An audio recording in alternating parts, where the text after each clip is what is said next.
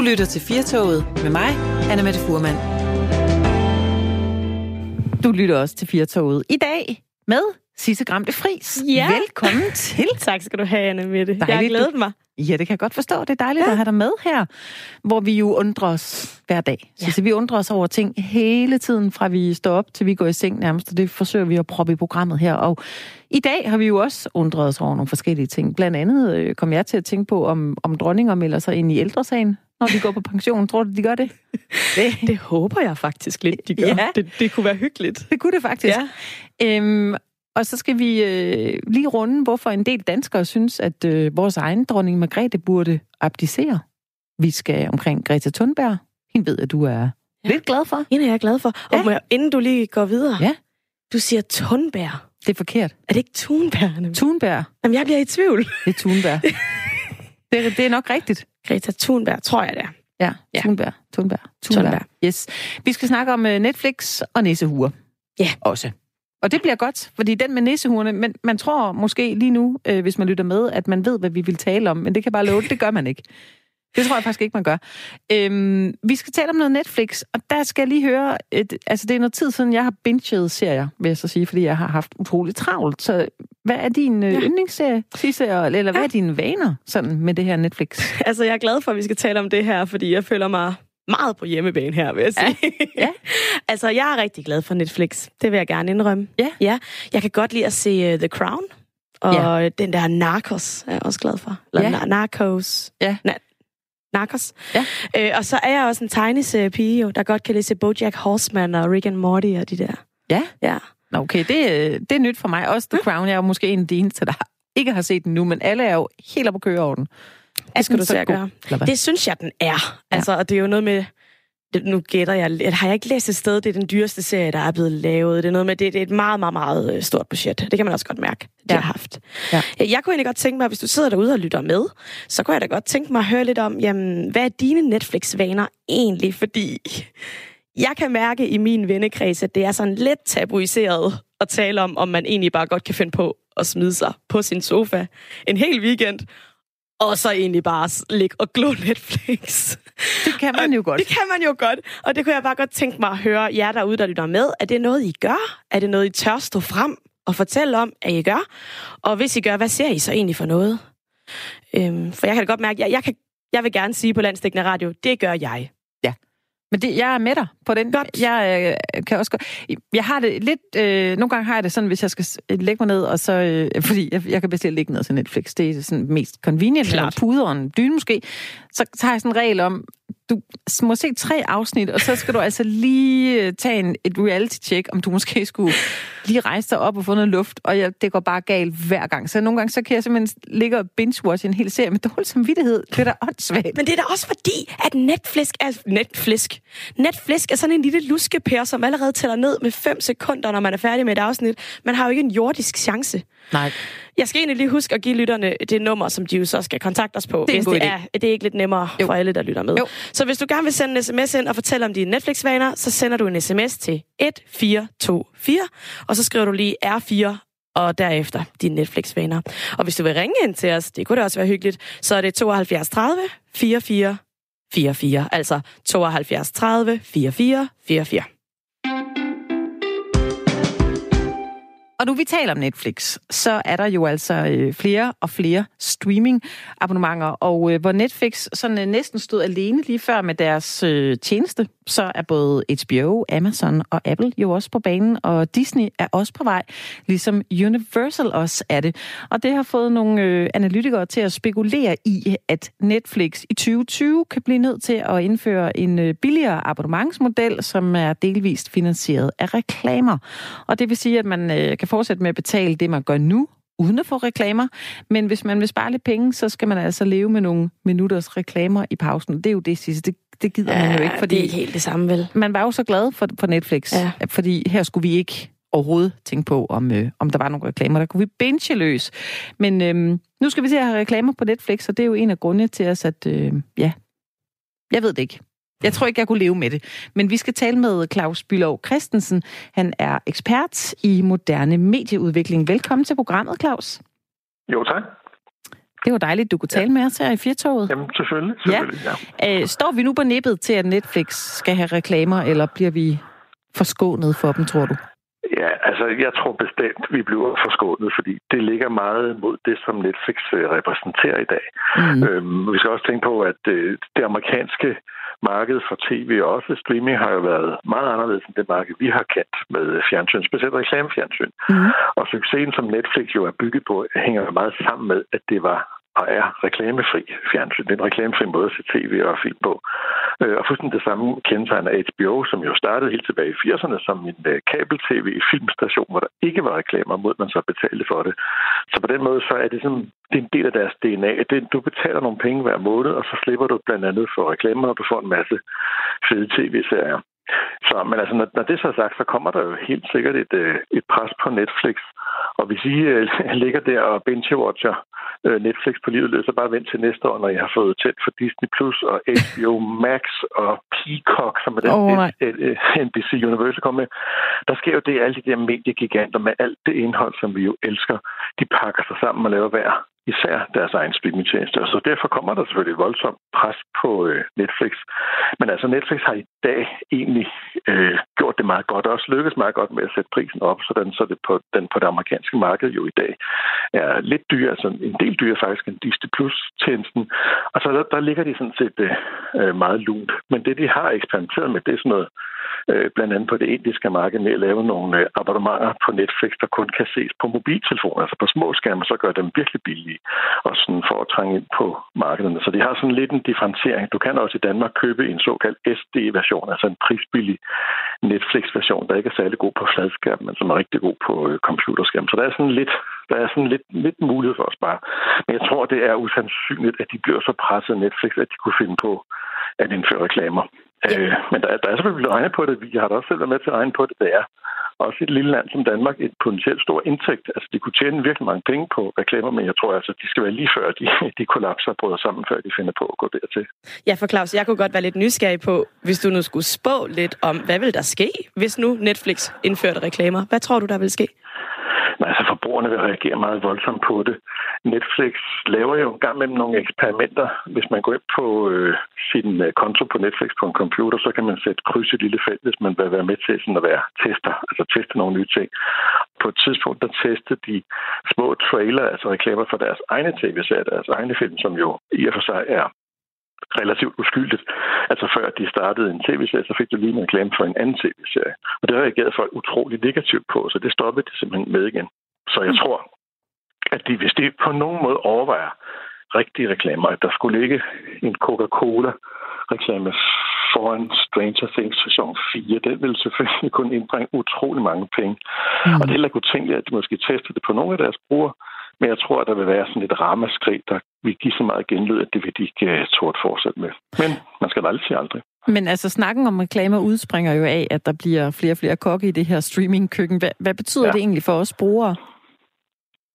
Altså generelt betyder det jo altså netop det, at man, når du ligger der på sofaen med din Netflix, og, og måske kan blive lidt stresset over alt det der, at se på Netflix, så vil, så vil den form for stressniveau stige endnu mere, fordi du har også HBO Max måske, og så har du måske også tegnet et abonnement på Disney, så der bliver kolossalt meget mere at vælge imellem. Så et eller andet sted, så kommer der jo nok også et udskillingsløb, altså hvor vi når den mætningspunkt, hvor vi ligesom kan, ikke kan mere. Måske lige frem til, så vælger jeg altså noget af det fra.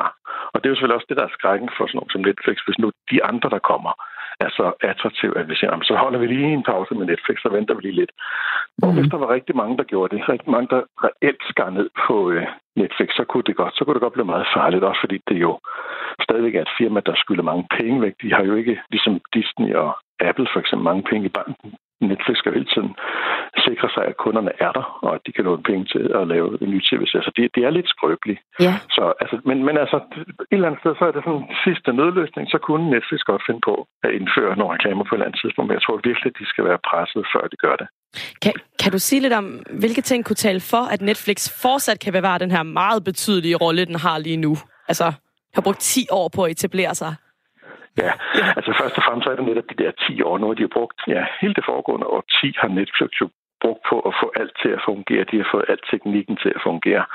De har lært folk at streame. De har også undergået en forandring fra, selv da de startede i Danmark i 2012, så er Netflix jo i dag et helt andet firma. I dag er det jo nærmest et, der er det ikke længere sådan et teknologifirma, der kan distribuere video for andre.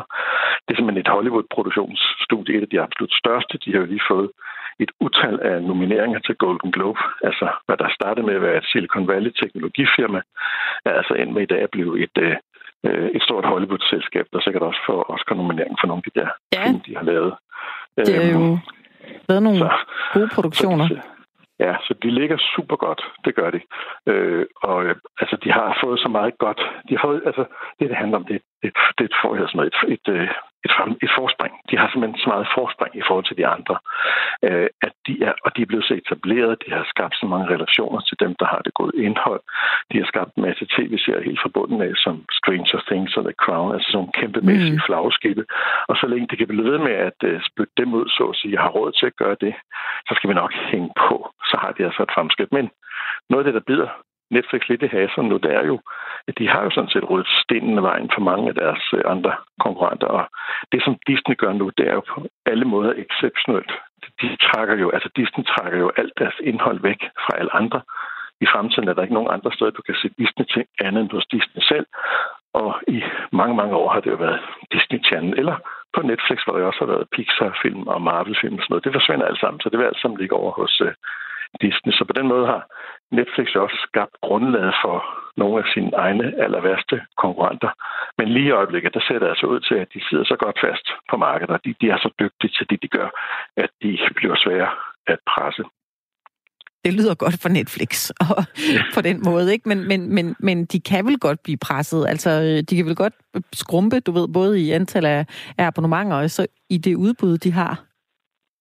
Ja, altså, det, altså meget af den her streamingkrig, altså man taler simpelthen om streaming wars i øjeblikket, handler faktisk, når alt kommer til alt sådan by the end of the day, så handler det meget om den, der har det bedste indhold. Så derfor så slås de jo alle sammen også meget om at øh, få tegnet de bedste kontrakter med nogle af dem, der virkelig kan levere varen. Altså dem, der kan finde på originale historier, kan producere gode film og, og, øh, og tv-serier. Øh, så der står de altså sådan set meget godt, som det er i dag. Men altså, det er også en meget, meget dyr, hvad skal man sige, kamp. Det er en meget dyr krig at være ude i. Og specielt øh, hvis man ser på Apple, så kan, altså Apple har i virkeligheden måske nok lidt en anden ambition. De vil gerne være med deres bokser og vores iPhone, så vil de ligesom gerne være det sted, hvor du samler det hele sammen, så det bliver sådan en form for fremtidens tv-boks for os alle sammen. Men deres streaming den kan de hælde så mange penge i. Altså, Apple har bare så mange penge, som man øh, det går helt under at tænke på. De har slået op her for næsten 300 milliarder dollars stående i banken, som de jo ikke rigtig ved, hvad de skal bruge til. Altså bare penge, de har sparet op ud over den værdi, de har. Så hvis Apple for alvor vil hælde penge i streaming, så kunne de altså bare give den gas mod, øh, modsat Netflix, der faktisk stadigvæk er nødt til at gå og låne penge for at kunne blive ved med at lave tv-serier. Et meget godt eksempel er den der tv-serie The Morning Show, der er på Apple TV Plus tjenesten. Den er faktisk meget god. Men, den øh, har øh, fået noget medvind, blandt andet på grund af Jennifer ja. Aniston. Ikke? Hun er et, et godt trækplaster der. Ja, og de har bare været så dyre, de der. De har kun ja. med en enkelt stjerne. De har jo tre stjerner, ja. så det, det, det, forlyder, det forlyder, at et afsnit af The Morning Show har været dyre at producere et, et, et, et gennemsnitsafsnit af Game of Thrones. altså et, et, okay. et, et meget godt eksempel at Apple siger, jamen altså, vi, vi, vi, hvis vi skal lave en flagskibs-tv-serie, der bare er sådan rigtig god, så, skal den, så er vi klar til at bruge så mange penge, det, det skal være. Og hvis de kan blive ved med at gøre det, og vil blive ved med at gøre det, så kan der godt komme så mange interessante tv-serier fra Apple alene. Det er også i sig selv vil lægge et pres på, øh, på sådan som Netflix. Og så stadigvæk, det de jo også slås om, det er jo netop at få de her stjerner, altså sådan en som Reese Witherspoon. Ja. Og for sygt også Jennifer Aniston, de er jo begge to ikke bare øh, dygtige skuespillere, men også dygtige producenter, er jo med til selv at udvikle de her mm. tv-serier. Så det er sådan noget talent, de jo alle sammen gerne vil binde til sig. Og det er så i første omgang lykkedes for Apple at binde de der to, men så har Øh, Netflix og nogle andre. Så det er også noget det, der bliver kampen i fremtiden. Når, når Netflix går også ud så massivt med sådan noget som Martin Scorsese og en meget flot, stor gangsterfilm, der sikkert kan vinde Oscar, så er det jo netop også fordi, at det giver sådan noget øh, hvad skal man sige, et godt image til Netflix. Altså når Netflix kan producere så god en film som den der, The Irishman, jamen så vil andre store stjerneinstruktører også sige, okay, så lad os da gå til Netflix i stedet for Apple eller Disney. Så der er mange, der er mange lag i hele den her krig mellem de her streaming-giganter, men stadigvæk, der er lang tid, tror jeg, så vi kommer til at se reklamer på dem. Men hvis vi alligevel skal prøve at spå lidt om fremtiden, altså hvordan vores tv-billede kommer vel til at ændre sig ret radikalt, kunne jeg forestille mig, hvis der kommer mange yeah. flere platforme at vælge imellem? Ja, det er jo også stadigvæk noget af det, vi ser meget sådan spændt på os analytikere. Det er i grunden egentlig uh, mætningspunktet. Uh, hvor, hvor, hvor, hvor er det? Hvor stopper vi hen? Altså lige i øjeblikket, der har vi de fleste husstande har råd til de her streamingtjenester, fordi rigtig mange har sparet penge på deres gamle tv-pakker. Ja, ja de er råd ud. ja, så det, det, det, det er jo... Øh, altså, jeg kan jo sige, det mistede jo 133.000 kunder i 17 og 18, og har måske nok også ja. mistet, mistet noget tilsvarende 60, 70, 80.000 måske her i, i 19.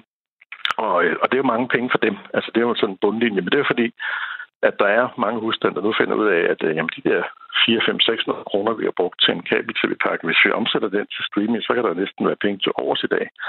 Underforstået, så er der altså også råd til at tage Disney Plus, når den kommer til 59 kroner, eller den her Apple til 39, og mm. HBO Max bliver nok lidt dyrere, den kommer til at koste, måske til at koste 89 eller 99 kroner, men den vil have alt HBO, og den vil have alt fra Warner-koncern, så den vil også være sådan en, der er rigtig mange, der siger, den skal vi altså også have. Mm. Men er der så plads til mere, og hvad med de lokale, hvad med TV2 Play og via Play, der har vi også øh, øh, råd til dem, så der er altså også et stort pres på det, øh, de lokale lige før, Man har lyst til, at man øh, skal helt tilbage til DR og måske max lige TV2, ikke? Nå, det var så nemt dengang, ikke? Der var Indiana Jones det er det. på DR. Men Claus, ja, der kommer nok sådan en modfølge måske på et tidspunkt, vi siger, nej, nu, nu, ligesom, men nu skal vi være mobiltelefonfri, vi skal være Facebook-fri, og lige for tiden, der er jeg altså også fuldstændig streaming-fri. Jeg ser ikke noget, jeg kan ikke snakke med om noget, sådan har det. jeg det godt. Det kan også være, at det kommer på et tidspunkt. Men uh, Claus, lige her til sidst, altså at, at studier som Disney og Universal går ind og skaber uh, deres egen platform, det er jo også en måde at sådan smyge sig udenom de her gamle medier på. Hvordan tror ja. du, det vil påvirke tv-billedet i, i de kommende år? Det har jo sådan set allerede påvirket tv meget, altså tv-markedet i form af at sælge øh, tv-programmer i pakker, som øh, vi jo er mange, der har gjort i mange år. Men også øh, tv-stationerne har jo også ændret meget karakter. Altså helt, op, helt tydeligt så er mængden af film og TV, amerikanske film og tv-serier på både TV2 og Danmarks Radio er faldet meget her i de seneste år, fordi det giver ikke nogen mening, fordi amerikanerne ligesom sælger deres tv-serier selv. Så den gode side det er jo selvfølgelig, at vi kan jo så håbe, at de lokale tv-stationer også kan producere mere og mere sådan lokale indhold, og det er også noget, de, de satser på, altså at lave mange danske tv-serier. Ja. Men altså, vores vaner som sådan øh, øh, vil nok, altså, jeg vil sige sådan helt overordnet, at det er jo en fest. Altså, det er jo en fryd for alle os tv, så vi kan få så meget øh, for pengene, som vi aldrig har fået før. Mm. Claus Bylov Christensen, ekspert i den moderne medieudvikling. Tak, tak fordi du var med her i, øh, i Firtoget. Ja, tak en god for dag. at være med. Hej, hej. Tak, tak. Hej, hej. Og vi har jo spurgt dig, kære lytter, om øh, du også er sådan en, der binger Netflix, om du elsker Netflix, og vi har faktisk også lige spurgt om, hvad er dine vaner, fordi Sisse og jeg, vi snakkede om lige før, det der med, at øh, vi godt få lægge en hel weekend. Ja, det kan vi godt. Og øh, måske have lidt dårligt over det, men alligevel, det holder os ikke fra at ligge der både lørdag og søndag. Vi har fået nogle øh, sms'er. Øh, der er kommet en her, jeg ved ikke, hvad vedkommende hedder, men han skriver, eller hun skriver, jeg har ikke Netflix, jeg vil ikke bruge for meget af min korte tid på tv. Wow. Ja. Siger jeg bare. Altså, det, det, er sådan noget, jeg, det var sådan noget, jeg godt kunne tænke mig, jeg var typen, der sagde. Ja. Det, er sådan, det passer ind i mit self-image, sådan jeg gerne vil se mig selv. ja, ja det, det passer bare ikke rigtigt. Nej. Nej. Der er også en her, der skriver, når jeg ikke er på arbejde, så ser jeg bare Parks and Recreations igen og igen, dog på øh, HBO. Ingen skal have dårlig samvittighed over underholdning. Tak, Glenn. Den, Glenn. Den, den var jeg glad for. Glenn, den her, den går ud til dig. Ja, det er det. Vi det er, er bare det. enige os to. Det er det. Så øh, hvis du har lyst til at byde ja. ind med øh, nogle flere sms'er med dine Netflix-vaner, så gør det endelig på 1424. Du skriver R4 og din besked. Du kan også godt ringe ind til os. Ja. 72 30 44 44. du lytter til Radio 4. Nå, Sisse, nu skal vi lige runde dronning Margrethe. Yes. Ja, fordi en ny undersøgelse, som øh, analyseorganisationen YouGo har foretaget for BT, viser, at der faktisk er et stigende ønske hos befolkningen om, at øh, vores dronning Margrethe, hun abdicerer og så overlader tronen til kronprins Frederik, der dermed vil regere sammen med kronprinsesse Mary. Og i modsætning til tidligere, hvor der var et klart ønske om, at dronningen skulle blive siddende, øh, der er befolkningen nu delt midt over. 41 procent af de her adspurgte i undersøgelsen, de synes, hun skal være abdiceret i 2020, mens 40 procent er imod, og 19 procent har så svaret, det ved jeg ikke. Hvad, ja. hvad, hvad vil du Ej, svare? Men helt Sisse, hvis det nu var dig, der blev spurgt, ja. hvad vil du svare? Nu er jeg nødt til lige at sige noget. Ja, jeg, det. Nu i tale sætter jeg lige elefanten i rummet her. Fordi jeg tror, det det handler om, det er jo, at alle elsker frede. Tror du det? Frede, Frede, Frede. Jeg har en DVD hjemme i min region med Frede 30 års fødselsdag. Ja. Og den har jeg da set flere gange. Så længe der er DVD-drev i min MacBook Pro, så bliver jeg ved med at se den film. Ja. Fordi han er så lækker, og han er så charmerende. Okay, er det det? Ja. Altså, så vi, vi vil egentlig gerne have, at der skal gøres plads til ham. Er det, det, det jeg siger? tror lidt, det den, og Mary, hun er jo også bare taget lige ud af, af et eventyr, ikke? Altså, jo. smuk og sød, og den der dialekt, hun har. Ja. Den er bare så fin. Det er det. Men, men altså, gode gamle Daisy, må jeg også bare sige, hun er ja. altså en ener. Ja, ja, ja. Det synes jeg. Og jo, jeg, jeg vil være ked af, hvis ikke hun skal være der mere. Jeg, hun er sådan en, jeg, kan, jeg kunne da ikke forestille mig, at øh, prins Henrik, at han ikke skulle være der mere. Han gik jo desværre bort. Sådan, det, det sker jo. Men, men jeg kan ikke forestille mig, at det ikke er hende, der sidder nytårsaften, og Ej. vi ikke skal se på hende, og vi ikke skal høre hende tale med den der vidunderlige accent, som jo ingen mennesker har mere. Altså. Anne dine børn kommer til at sige sætningen, ej, ej, ej, vi skal seriøst se kong Frederiks nytårstale, ja, inden vi spiser. Ikke. Så er det mig, der påtager mig accenten. Præcis. Det, det synes jeg. Men øh, vi skal lige tale med Jakob Heinl, der er journalist på Se og Hør, for at blive lidt klogere på det her. Hej med dig, Jakob. Hej, med dig. jeg må godt kalde dig vores øh, husekspert, må jeg ikke det her i firtoget? Det må du i hvert fald, det må du i hvert fald. altså, dronning Margrethe, hun, hun har jo altid været populær blandt danskerne, men nu viser det sig så, at næsten halvdelen af danskerne synes, hun skal abdicere. Hvor, hvorfor tror du, det er sådan? Jamen, det er, jo, altså, det er jo i hvert fald en undersøgelse, som, øh, som faktisk... Øh, altså, ja, man kan godt sige, at har chokeret mig i dag. Og det har den, fordi at, øh, at det er første gang, vi egentlig øh, vi, vi ser det dronning Margrethe er jo, som vi lige har snakket om, voldsomt populær øh, blandt danskerne og har altid været det. Det er klart, at da prins Henrik gik bort, der skete der jo selvfølgelig noget, men der er jo mange, og da de fleste øh, eksperter, der peger på, at hun faktisk er kommet styrket ud af øh, øh, efter prins Henriks død, fordi hun har rejst sig op igen og ligesom fortsat sit virke, nærmest som om øh, ikke noget var hent, og hun er nærmest i, øh, i, i, i, altså i, i, i topform i de her dage. Så derfor overrasker det mig, det, jeg tænker, øh, der kan være årsagen, hvis jeg sådan virkelig skal sådan bruge min analyseredskaber, det er, at kongehuset i de senere år, navnligt efter prins Henriks død, i den grad har haft travlt med at køre kronprins Frederik og kronprinsesse Mary frem øh, i, i stilling som, øh, som, øh, som kronprinsepar. Og de har fået ekstremt mange opgaver og tegner jo billedet af Danmark udad til.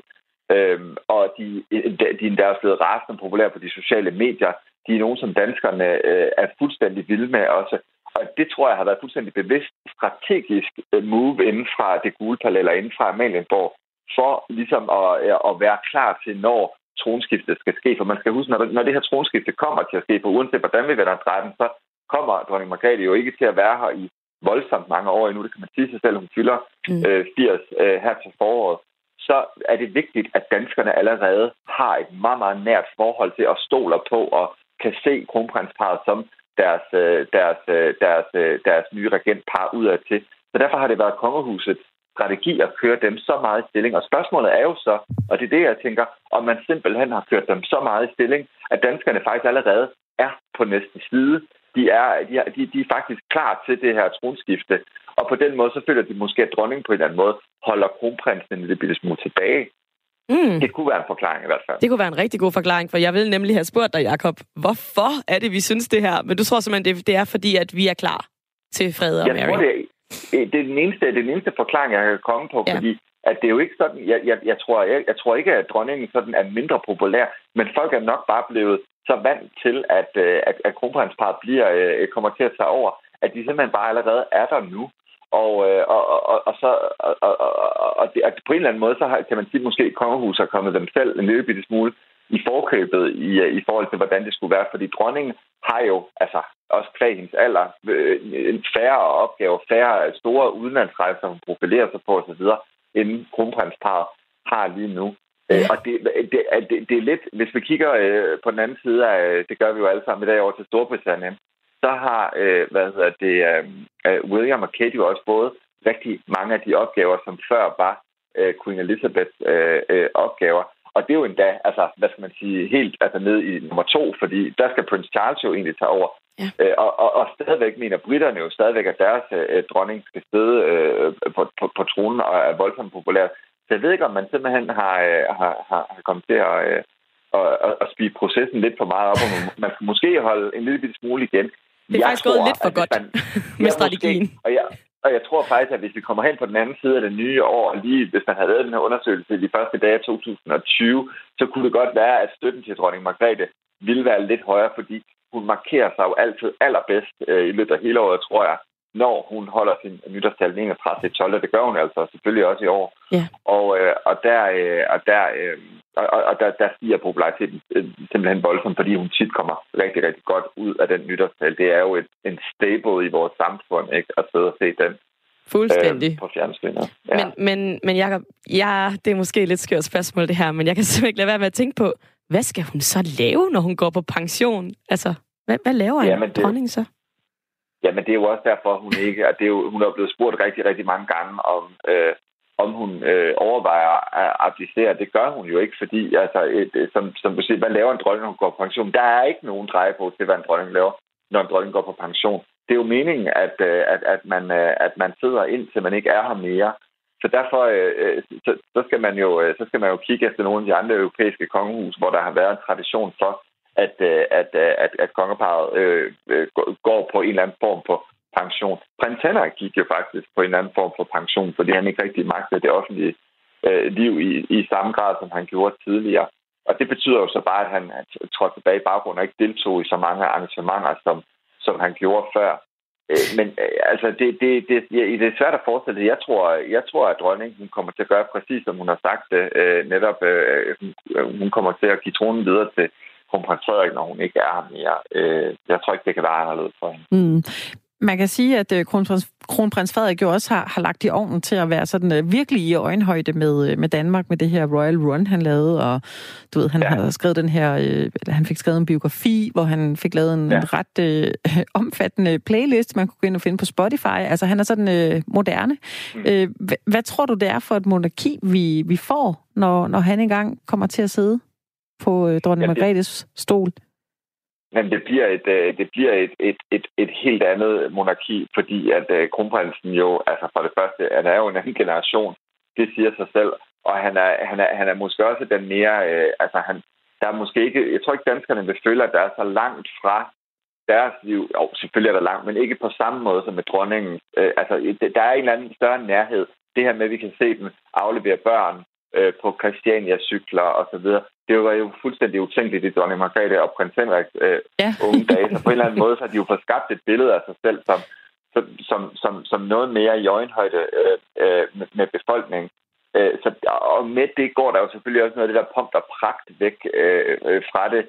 Men jeg tror, at det har været nødvendigt at, øh, at, at, at, at, at lave en eller anden form for øh, et, et, et lidt mere moderne billede. Fordi vi skal også huske, monarkierne skal jo også følge med befolkningen på en eller anden måde. Det nytter jo ikke noget, at man har nogle fuldstændig forstokkede gamle holdninger og ikke lader, ikke øh, lader befolkningen se, hvordan man lever osv. Det er vigtigt på en eller anden måde at holde den der kontakt. Selvfølgelig skal de være. Der skal være noget prompt og pragt, men det er altså også vigtigt, at de sender nogle ting ud på Instagram, øh, og de stiller op til nogle interviews og fortæller, hvordan det går med børnene, altså man, så, man, så man føler, at man, at man også får noget, fordi altså, hvis der er noget, der også optager befolkningen i de her dage, så er det det der med, at man vil gerne have et synligt kongehus, man vil gerne have noget for pengene. Øh, det, det kan vi se med prins Joachims, øh, øh, med sagen om prins Joachims apanage, øh, hvor han er flyttet til Paris og, og, og modtager apanage uden reelt arbejde øh, for Danmark. Det er jo sådan noget, som, som folk ser en, en, en meget mere kritisk på, end man ville have gjort før. Så for at kongehuset skal kunne bevare det der forhold øh, øh til danskerne, hvor de er så rasende populære, så tror jeg det i den grad, at kronprins Frederik har valgt en helt øh, rette strategi, altså at komme mere i øjenhøjde med danskerne. Og mm. det vil være den allerstørste, øh, det, det, det allerstørste, vi kommer til at se, når, når, når han overtager tronen. Det er klart en, en konge, der er mere i, i, i øjenhøjde med befolkningen. Altså, jeg har lige fået en sms tikken ind her fra Ulrik, som skriver, for, for min skyld må hele banden abdicere i kongehuset. Både dronningen, Frederik og hele den pukkelrykkede familie. Og så sidder jeg og tænker, okay, hvad, hvad tænker du om det, Jakob? Hvad nu, hvis vi sagde, det skete? Vi, vi udrydder simpelthen hele vores kongehus. Hvad vil det betyde for Danmark, tror du? Men det er jo en... Ja, det er jo, det er jo et godt spørgsmål, ikke? Fordi der er jo lande, der klarer sig fint med præsidenter og så videre. Men altså, jeg tror personligt på det der med, at det er vigtigt, at der er en, øh, at, at der også er et samlingspunkt, at man, øh, jeg kan godt være, jeg kan godt være kritisk over for nogle af de beslutninger, kongehuset tager, men vi skal huske, det der er samlingspunktet, det er jo, at, at der er jo hele tiden skiftende regeringer, skiftende statsminister, skiftende øh, øh, regeringer hele tiden, og det der hele tiden er vores konstant, det er jo, at dronningen er den samme hele tiden. Altså det der med, at de sidder i så mange år, det er jo med til at skabe et eller andet øh, et samlingspunkt i samfundet, som, som, som, som jeg tror faktisk tror er ret vigtigt for et lille land øh, som Danmark. Mm. Altså det danske kongehus, det, det koster jo temmelig mange penge, ikke? 386 mm. millioner om året. Ja. Øh, ja. Det er der jo flere og flere mennesker i øh, sådan øh, vores generation, som er begyndt at, at pipe lidt omkring og sige, det er simpelthen øh, for mange penge, og hvad laver de for de penge, og hvorfor, og er det rimeligt og sådan noget. Øh, tror du, det vender? Altså, bliver der flere og flere, der synes, at det ikke er, er okay med den apanage? Altså det har vi jo i hvert fald set de senere år. Øh, Apanages spørgsmål har jo ikke været noget, der altså, har fyldt uh, specielt meget øh, i den offentlige debat. Det gjorde den i den grad efter et, hvad hedder det, prins Joachim skilsmisse fra Karina Alexandra, hvor hun jo har endt med faktisk fra næste år fra 2020 at frasige sig den apanage, fordi hun simpelthen ikke havde nok arbejde. Og det er igen det her tilbage med det der med at se, altså vi, vi vil gerne se dem arbejde for det, hvis vi kan se, at de har en funktion, hvis vi går ud og repræsenterer Danmark og sådan noget, så føler vi også, at de deres løn værd. Men det øjeblik, hvor at man ikke føler, at de har det, så tror jeg også, at, at, at støtten øh, til dem vil, vil være dalende. Og vi kan jo også se, øh, i forhold til tidligere, så har kongehuset allerede meldt ud for mange år siden nu, at de kongelige børn ikke kommer til at få apanage, ligesom både Frederik og Joachim gjorde. Det er altså kun prins Christian, der får apanage af det nye kul. Og det, jeg tror, at, jeg tror, at de skal gå meget varsomt med det der apanage, fordi man har lyst til dem som, som, som, som, som, som nogen, man gerne vil tage op til. Men det er ikke et carte blanche til sådan fuldstændig vanvittigt overforbrug. Øhm, og, og, og de bliver jo også kritiseret, hvis dronningen lige pludselig tager en helikopter øh, et eller andet sted hen ja. til 400.000 kroner, hvor hun lige skal kunne have taget toget. Så der, der er jo, og der vil altid være de der kritiske røster, der mener, at, øh, at, øh, at de simpelthen ikke er, er, er pengene værd.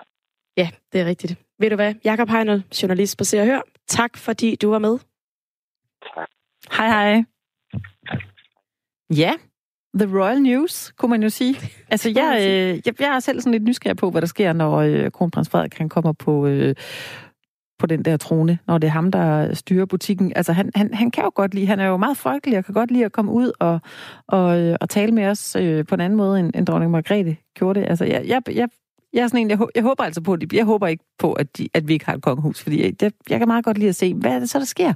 Hvad kan man bruge de ja. der konger? Og også den næste generation med, øh, med Christian, altså deres søn. Hvordan, hvad bliver han for en? Ja. Får vi et YouTube-agtigt altså, kongehus, eller hvad sker der? bliver han sådan en influencer, ja, det der sender selfie-videoer hjemme Præcis. fra slottet? Er han på TikTok? Ja, er ja. han på Snapchat? Ja.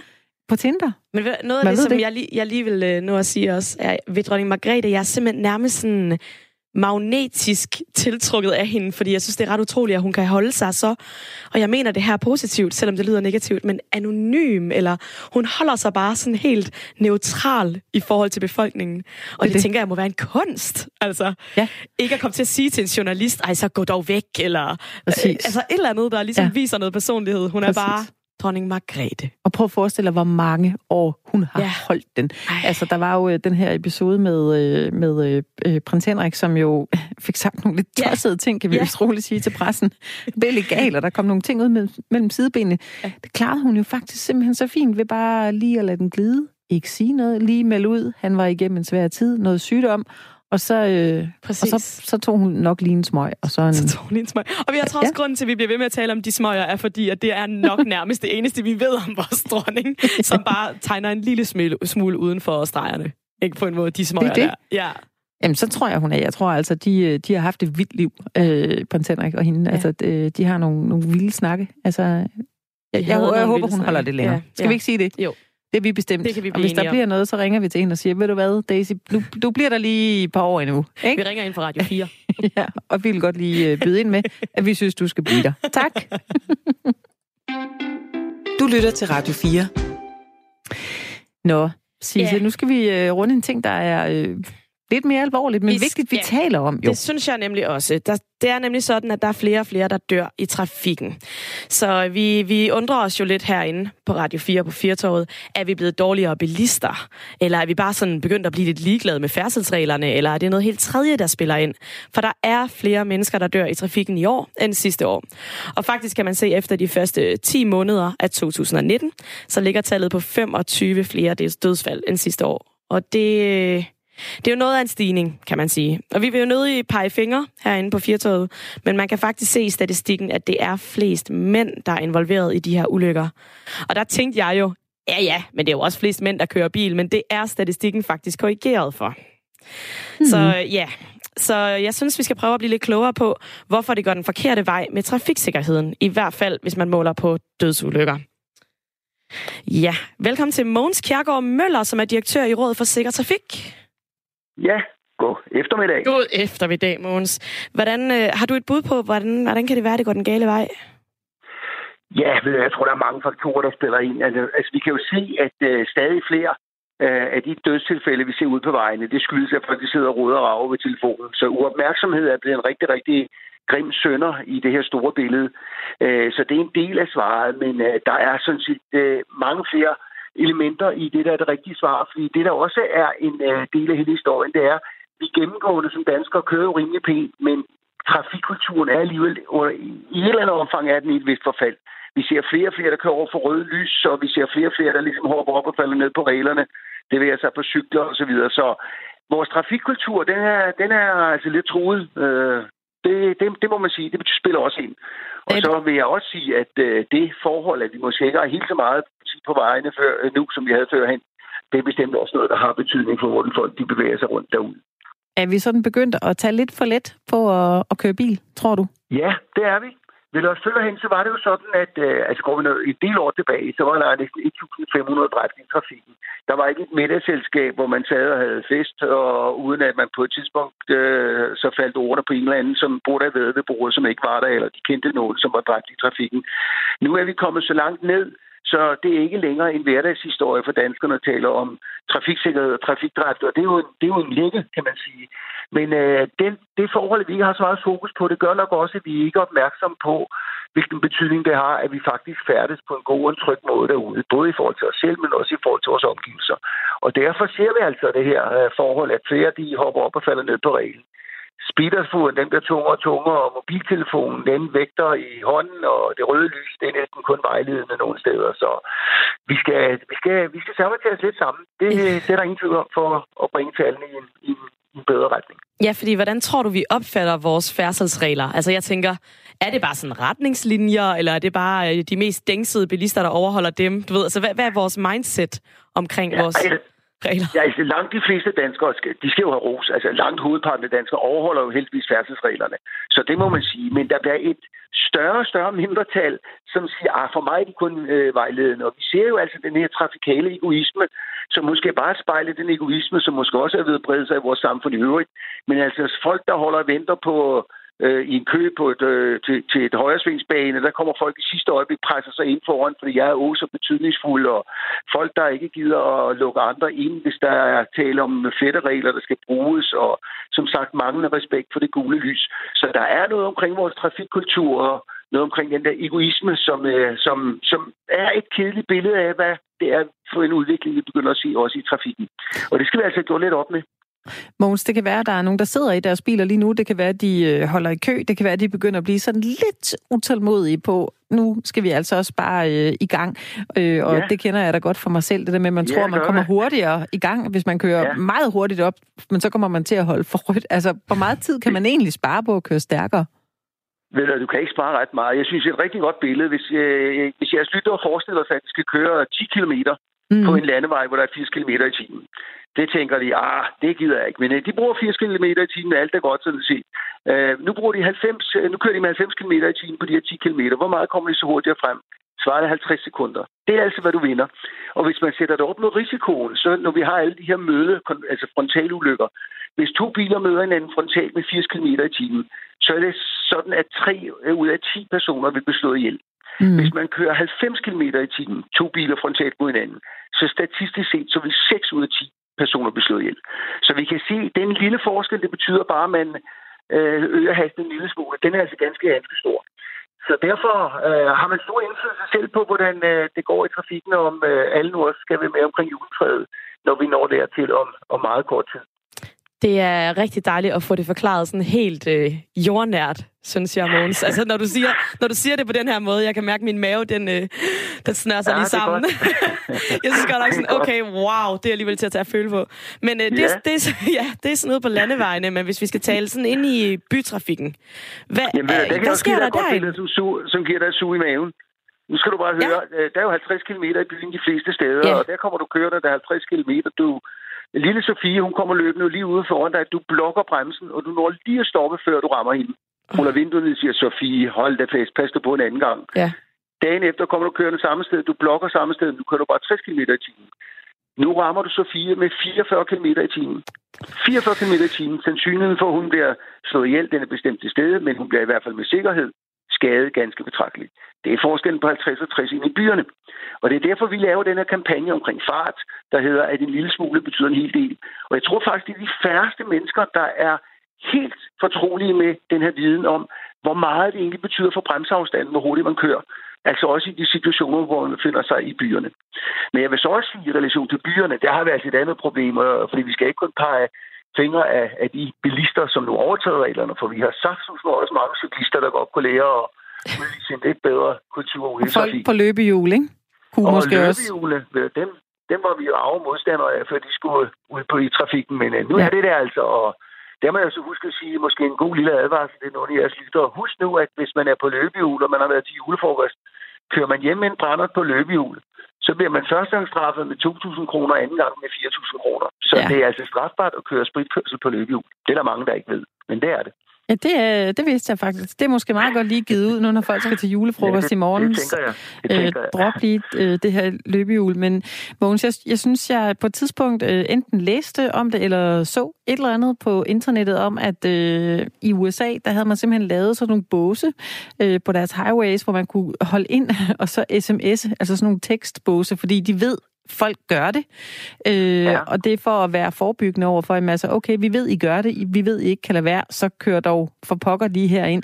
Tror, ja. Er det noget, man, øh, man kunne tænke i i Danmark og gøre det? Altså, Ja, det, man kunne selvfølgelig godt tænke i det, men jeg vil sige, det er jo en dyr løsning, og jeg vil sige, vi har jo så mange restepladser, og så og er der virkelig nogle budskaber, der er så vigtige, som man ikke kan vente de 10 minutter, til man kommer til en resteplads. Nej. Men altså, vi har et, et problem, og det er jo, og måske især de unge, for hvem det at være, have mobiltelefon på sig hele tiden, det er jo en del af det sociale vindue, de kigger ud af. Og hvis man ikke kigger ud af vinduet og er klar konstant og svarer på den snap inden for et halvt minut, jamen så er man jo allerede ude, så er man væk. Ja. Og derfor er det så forbandet irriterende at skulle arbejde med det her omkring uopmærksomhed, fordi det er så indarbejdet en del af kulturen for rigtig mange øh, unge mennesker i særdeleshed, at man bare skal have mobilen omkring sig, og man skal være på hele tiden. Så, så vi må sige, at mobilen, øh, som jo er kommet ind her inden for de sidste 15-18 år sådan for alvor, som et issue i trafiksikkerhedsmæssig henseende, den udgør altså et rigtig, rigtig stort problem. Og i dag er vi deroppe, hvor omkring halvdelen af alle de dræbte i trafikken, det er forårsaget af folk, der sidder og laver alt muligt ind i bilen. Ja. Sagde du, sagde du op mod halvdelen? Op mod halvdelen. Det er uopmærksomhedsulykker. Mm. Så det, så det, det er rigtig ja. mange, og det er de okay. der grimme ulykker, hvor man typisk kommer over den modsatte kørebane og kører frontalt ind i hinanden. Og der mødes øh, chauffør mod chauffør, og det er jeg brugt eksempler før på, hvor mange der bliver hjælp, hvis man gør det for eksempel på en landvej. Det er altså rigtig grimme ulykker, ofte med et fatalt udfald. Mogens Kærgaard Møller, direktør i Rådet for Sikker, for Sikker Trafik hedder det. Tak, fordi du var med ja. her i Firtoget. Ja, må jeg ikke slutte med at ønske god jul til alle? Jo, det var det fatalt at skulle sige, at sende folk på, på weekend med det andet der. Men uh, her fra Sikker Trafik ønsker vi også alle en god jul, og ja. kom godt og sikkert hjem. tak, Mogens. Vi ønsker også dig en, en glædelig december. Hej, hej. Tak, tak. Hej. hej. Nå, Sisse, vi har lige fået en sms, og de synes, vi øh, lige kan, kan byde ind med her, når vi nu taler om øh, trafik og det her med at være opmærksom. Vi har fået en fra Mathias, der skriver, jeg kører 50.000 km om året og har gjort det i over 20 år, blandt andet også i Tyskland. Min oplevelse er, at der er alt for meget fokus på hastighed og alt for lidt på adfærd. Manglende hensyn mig først. Øhm, jeg sidder lige og tager imod kundeordre på papir og så mm. videre. Det er nemt at måle hastighed, så det eneste, der skal gøres noget ved i princippet, Øh, det er det eneste, der skal gøres noget ved, altså adfærden. Ja. I princippet betyder farten ikke ret meget, hvis man passer sin kørsel. Det var Mathias, der lige havde meldt ind. Og det var jo det, Mogens han sagde. Ja, det er adfærdsproblemer, faktisk, der, øh, der dræber halvdelen i trafikken, fordi vi synes, vi skal sidde og dimse rundt ved mobilen og lige sende snap, og ja. der er ikke noget, der kan vente. Tak for det indspark, Mathias, fordi at, øh, at du skriver det, det minder mig faktisk om her for en måneds tid siden, hvor jeg er ude og køre taxa, hvor taxachaufføren har sin mobiltelefon, du ved, sat op i sådan en sugekoppe-dims op i vinduet, mm. hvor han lige facetimer med sin kone. Nå. imens. Og de har en længere samtale, og hun flytter sig rundt i huset, og jeg kan bare se, altså jeg var jo nærmest angst der ved siden af, fordi han bare sad og kiggede op på den skærm. Men sagde du ikke noget til ham? Og jeg sagde ikke noget. Hvorfor jeg ikke? ved, jamen, jeg tror simpelthen, at der bliver jeg lidt sådan autoritetstro, eller jeg tænker, det må han da have styr på. Han er en professionel chauffør. Men snart, så jeg er alt for, jeg er alt for naiv til sådan noget. Altså, snart jeg gik ud af taxaen, så tænkte jeg også, hvad tænkte jeg på? Helt ja. ærligt, jeg betalte jo 350 kroner eller sådan noget for den tur. Det mindste, ja. jeg kan kræve, det er vel, at han lige har øjnene på vejen. Ja, selvfølgelig. Ja. Og, og det skal vi da sige. Jeg var ude og køre med en i, øh, i den her øh, tjeneste, der hedder GoMore, altså ja. hvor man kan booke en privat bil, og så får man en plads der. Der kørte med en, som simpelthen var sådan en type, der kørte, du ved, helt op i røven på de ja. andre. Og så nærmest blinkede til venstre, som om, flyt dig nu, dig der foran. Og han lavede sådan nogle overhalinger, og han var bare så tæt på de andre biler, og vi havde kørt 30 minutter, så havde det sådan, det, jeg kan, jeg holder ikke til det. Men men jeg sagde jo heller ikke jeg noget. Altså, så, men så, så skulle han jo så også... Nej, for så skulle han have sat mig af på en eller anden restplads i, i det ved jeg ikke, næst ved. Ja. Så stod jeg jo der, hvordan... Men altså, jeg havde faktisk... Og det irriterede mig faktisk lidt, fordi jeg havde det sådan lidt... Ved du hvad, øh, hvis ham der foran, han blokker bremsen, så knaller vi jo lige op i, fordi han kørte også for stærkt. Hvorfor altså, siger vi ikke noget, Sisse? Det, ja, det duer bare Der ikke. kan man så heldigvis, når man så kommer hjem i sit hjems trygge rammer, så kan man lige logge ind på sin computer og give ham en stjerne og skrive, øh, Henrik kører som brækket arm, og så ved lige andre præcis. ligesom det. Ja. ja, lige præcis. Det kan man så også godt gøre. Det er meget heldigt. Mm. Ja. Nå, nu øh, synes jeg lige, vi skal tage en, øh, en test, fordi... Øh, en test? Ja, ja. Du ved, jeg kan næsten ikke gå forbi en test uden, så, så må jeg teste, hvem jeg er hvad for en slags kaffe, hvis jeg var en kaffe, hvis jeg var en pizza, hvad for en pizza var jeg? Øh, er jeg lykkelig? Øh, er jeg ked af det? Har jeg en depression? Øh, hvordan går det i mit øh, liv i 2020? Kender du ikke det der med, man, øh, altså, man kan simpelthen ikke lige lade være med at, at klikke på, øh, hvad man er. Og den her test, jeg har fundet her, det er en øh, test, der er ret aktuel. Ja. Der kan vi to gå ind og teste, hvilken kendt øh, julekalenderkarakter vi ligner. ja. Åh, ja. spændende. Og, og der har du noget bud på, Sisse, hvem du synes, du er? Jamen altså, det, jeg synes jo, jeg er Pyrus. Fordi okay. jeg, jeg er sådan lille og kvik, og jeg er kæk. Og irriterende. Og irriterende, snakker lidt for meget, vil nogle af mine venner mene. Jeg, jeg tænker, øh, Pyrus. Hvem, ja. er, hvem er du, Anne Mette? Jamen, jeg, altså... Åh, måske, jeg, jeg ved ikke, om jeg har nok øh, edge til at være Gertrud Sand. altså hende der og, og virkelig er glad for at skrælle kartofler. Det, det ved jeg ikke, men jeg synes, vi skal tage den. Ja, øh, den første, der skal vi lige ind i en, der hedder, hvilken beskrivelse passer bedst på dig? Øh, der kan man... Øh, Ja, den er så lige til højre benet for mig. Ikke? Jeg er en jysk, omsorgsfuld husmor, der har det med at snakke alt for meget. Så er det også lidt det der, hvor ærlig skal man være. Okay, lige, inden vi kommer i gang her. Ja. Når man tager de her test, mm. så er man bare 100% ærlig. Okay. Okay. Det er fint. Det er aftalen, Hvad vælger du nu. fra listen? Så er jeg eventyrlysten kæk og lidt af en ballade med jer, der ofte rydder mig ud i problemer. Okay, så jeg vælger faktisk en her, hvis vi nu er ærlige. Ja, ja. Jeg er modig, stedig og har en stor retfærdighedssans, men kan godt blive ret utålmodig. Okay. Det er mig. Har du klikket på den? Jeg har klikket. Okay, så går vi videre i, uh, i toren, ikke? Hvad siger den? Hvad, hvad ønsker du dig i julegave? Hmm. Hmm. En foodprocessor, ingenting, noget med alkohol, en kæmpe fest. Jeg vil redde julen, jeg vil finde julestjernen. Jeg ønsker at gennemføre min uddannelse. Den Ja. er da reel. Jeg tænker, øh, jamen det ved jeg, noget med alkohol. jeg. det er så passer så fint til den aften. Et, en ordentlig, sådan en rigtig god portvin. Jeg klikker på den. Noget med alkohol. Okay, Ja. ja. så tror jeg, jeg går med det du? lidt kedelige, men det er det ærlige svar, som hedder, jeg vil redde julen, så vi får en god juleaften. Ah, men hvad giver du mig? Er det sådan en særlig pyrus at være sådan? Det, nej, det er de jo egentlig ikke. Nej. Ej, jeg bliver ked af det, hvis jeg ikke bliver ham. Ja. Nå, Ja. nummer tre. Vil, hvad vil du helst bruge din fritid på? Der Ja. kan man øh, sy tøj og drømme væk til varme lande og gamle dage. What? Øh, okay, der, uh, den, jeg tager den her. Gå på opdagelse og eventyr. Det er mig. Mm-hmm. Jamen, så tror jeg, at jeg vælger at slappe af og drikke øl. Ja, Ja. den er også god. Den er god. Jo Og ældre jeg bliver, jo gladere bliver jeg for øl. Det hører med. Det hører med. Nå, nummer 4. Kan du bedst lide koldt eller varmt vejr? Øh, helt klart varmt. Øh, ja. Øh, ja. En no-brainer, er det ikke det? jo. Nå, nummer 5. Sisse, hvad er det for en? Hvad forbinder du julen med? Mm-hmm. Der er lidt forskellige valgmuligheder her. Hårdt arbejde og masser af penge i kassen. er det virkelig det? Jeg er dybt traumatiseret af julen, kan man også vælge. den. Fællesskab og sammenhold er der også en, der går på. Ja, Mm. jeg synes, øh, jeg kan godt ryge ind i den der med, at god mad og masser af hygge, det er den øh, bedste tid på året. Jeg kan godt syge mig selv til, at alt er godt. Ligesom at man må dag. spise alt. Ja. Også slik, som man normalt aldrig vil spise. Sådan nogle Ja. mynte, myntepasteller. øh, De Det der, kører ned. Det ryger ned. Fuldstændig. Hvis det ligger på fadet, så er det jo... Eller også de der øh, bønner med sådan noget ulækkert Nej, det er så indeni. underligt at Men spise. man spiser det. så eksploderer den ind i munden på en. Altså, det er simpelthen... Nå, øh, hvad vælger jeg? Jeg vælger, at jeg elsker jul, men det kræver desværre meget hårdt arbejde. Ja. Ja. Alt det, du skal spise. Nummer Ja. 6. Hvordan har du det med risengrød? Jeg Ja, nu står jeg og savler lidt ind i mikrofonen. Det er jeg faktisk rigtig glad for. Kan man Ja. ikke vælge det? For det? Jeg elsker risengrød. Ja, er den, den, har jeg jeg også valgt. Øh, nummer 7 er... Hvad? Hvad er din yndlings julesang? Der kan man vælge øh, Jul på Vesterbro, man kan vælge Tinka, Ludvig Julemanden. Øh, Altså, Altså, hvorfor hvad- kan man ikke vælge Last Christmas? Det, er- det er jo den, der er alles yndlingsjulesang. jeg tager så den sidste, der hedder Jeg elsker alle julesange. Fordi det gør jeg virkelig. Jeg elsker julemusik. Fedt. Jamen, øh, cool jul, er det den der?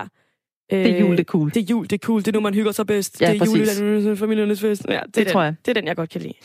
Nå, hvordan reagerer du på modgang? Hold da op. Øhm, jeg kommer lidt til at blive voldelig, kan man vælge her. Det, det, øhm, Mm. der er jeg jo optimist, og også stedig, som jeg sagde før. Jeg, øh, jeg er helt overbevist om, at jeg nok skal klare den, uanset hvilke problemer jeg stod på. Sådan har jeg det egentlig. Ved du Jeg klarer den. Ej, jeg kan mærke, er det det, jeg gerne vil trykke, eller er det det, jeg i virkeligheden er? Er du rigtig stedig måske? Ja, jeg tror måske faktisk mere, det er det. Der kender du mig allerede godt. Jeg Ja. bliver stedig. Ja. Okay. Okay, spørgsmål 9 er meget vigtigt. Tror du på julemanden? Nej. Nej.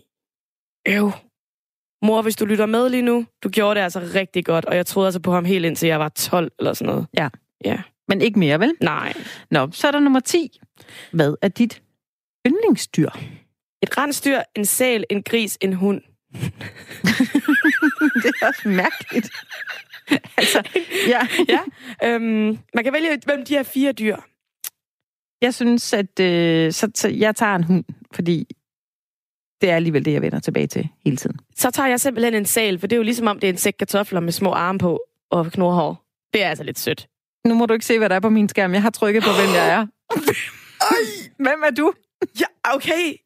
Jeg er Pyrus. Og hvad sagde jeg? Han var irriterende, og hvis der er nogen, jeg ikke gider at være, Sisse, så er det Pyrus, og hvem er jeg? Hvem er du? Jeg er også Du Pyrus. er også Pyrus. Ej. Kan man kun blive Pyrus i den her test, eller hvad? Kære, kære lytter, øh, øh, Google lige test, hvilken julekarakter er du, og tage den, for det kan da ikke være rigtigt. Nej. Du er glad, sovløs, fuld af spilopper, og måske en smule dumdristigt. Du har et godt hjerte, men en eventyrlist, og manglende omtanke får dig ofte ud i problemer. Nå, ja, det er jo ikke helt løgn. Nå, Kan man lige tænke lidt over det. ja, det var en, øh, en lille juletest. Man kan gå på øh, underholdning tv2.dk, hvis man har lyst til at rode rundt. Og nogle gange, jeg har det sådan med de her tests, så hvis jeg ikke synes, det er godt nok, så tager jeg den bare om igen. Fordi jeg vil have, at det skal passe til det selvbillede, jeg har. Hvorfor er det ikke Gertrud Sand? Det er præcis. En vil jeg så gerne være. Ja, Gertrud Sand. Nå, Sisse, vi har været omkring nogle øh, forskellige ting i øh, den her time Firtoget. Vi er jo tilbage om en, om, eller ikke om en time, vi er tilbage efter nyhederne, men øh, vi har jo rundet øh, det her med, om dronning Margrethe skulle applicere. 40 procent af danskerne synes, hun skal, 40 procent synes, hun skal blive siddende. Og du synes, det ville være fint, hvis Frede han kom. Ja, fordi det er tronen, Frede. Ja, No det er det. offense, Margrethe. Det er ikke noget med dig. Det er godt. Og så øh, snakker vi lige med øh, øh, noget trafik og noget kør ordentligt og nogle øh, trafikregler her. Vi har altså godt nok fået virkelig, virkelig mange øh, sms'er på det. Øh, tak for det. Det lyder faktisk som om, vi har nogle øh, dejlige, øh, hvad hedder sådan nogle øh, overvågne bilister i, Ja. ja. i Firtog. Det er jeg meget, meget glad for. Og husk lige ikke at sms herind, mens du kører jo. Skal vi lige sige, ikke? Det er vi lidt nødt til at sige, ja. Ja, det er vi. Og så har vi lige snakket øh, Netflix. Vi har fået nogle gode bud på, hvad, øh, hvad du, kære lytter, sidder og ser. Og så er der altså også flere af vores lytter, der lige sagde, lad nu være med at have dårlig samvittighed, hvis du ligger en hel weekend i dit nattøj og under dynen og ser Netflix og binger helt vildt. Ja, Det er Det var da smukt sagt. ting. Det var, ja, det var et godt program, synes jeg. er du tilfreds? Jeg er glad. Er du det? Nu kan vi godt bruge nogle nyheder. Ja. vi kan sagtens snakke meget Jamen, mere det jul. kan vi, men, vi øhm, to, vi kan bare køre. Ja, det kan vi, men øh, det kan vi altså ikke så længe nu, for vi skal gøre klar til nyhederne her Alright. på Radio 4. Vi er tilbage med Firtoget efter dem, og der kan du glæde dig til, at vi skal tale om en anden sej dame. Hun er ikke lige så gammel som dronning Margrethe, men det er Greta Thunberg. Nu er der nyheder.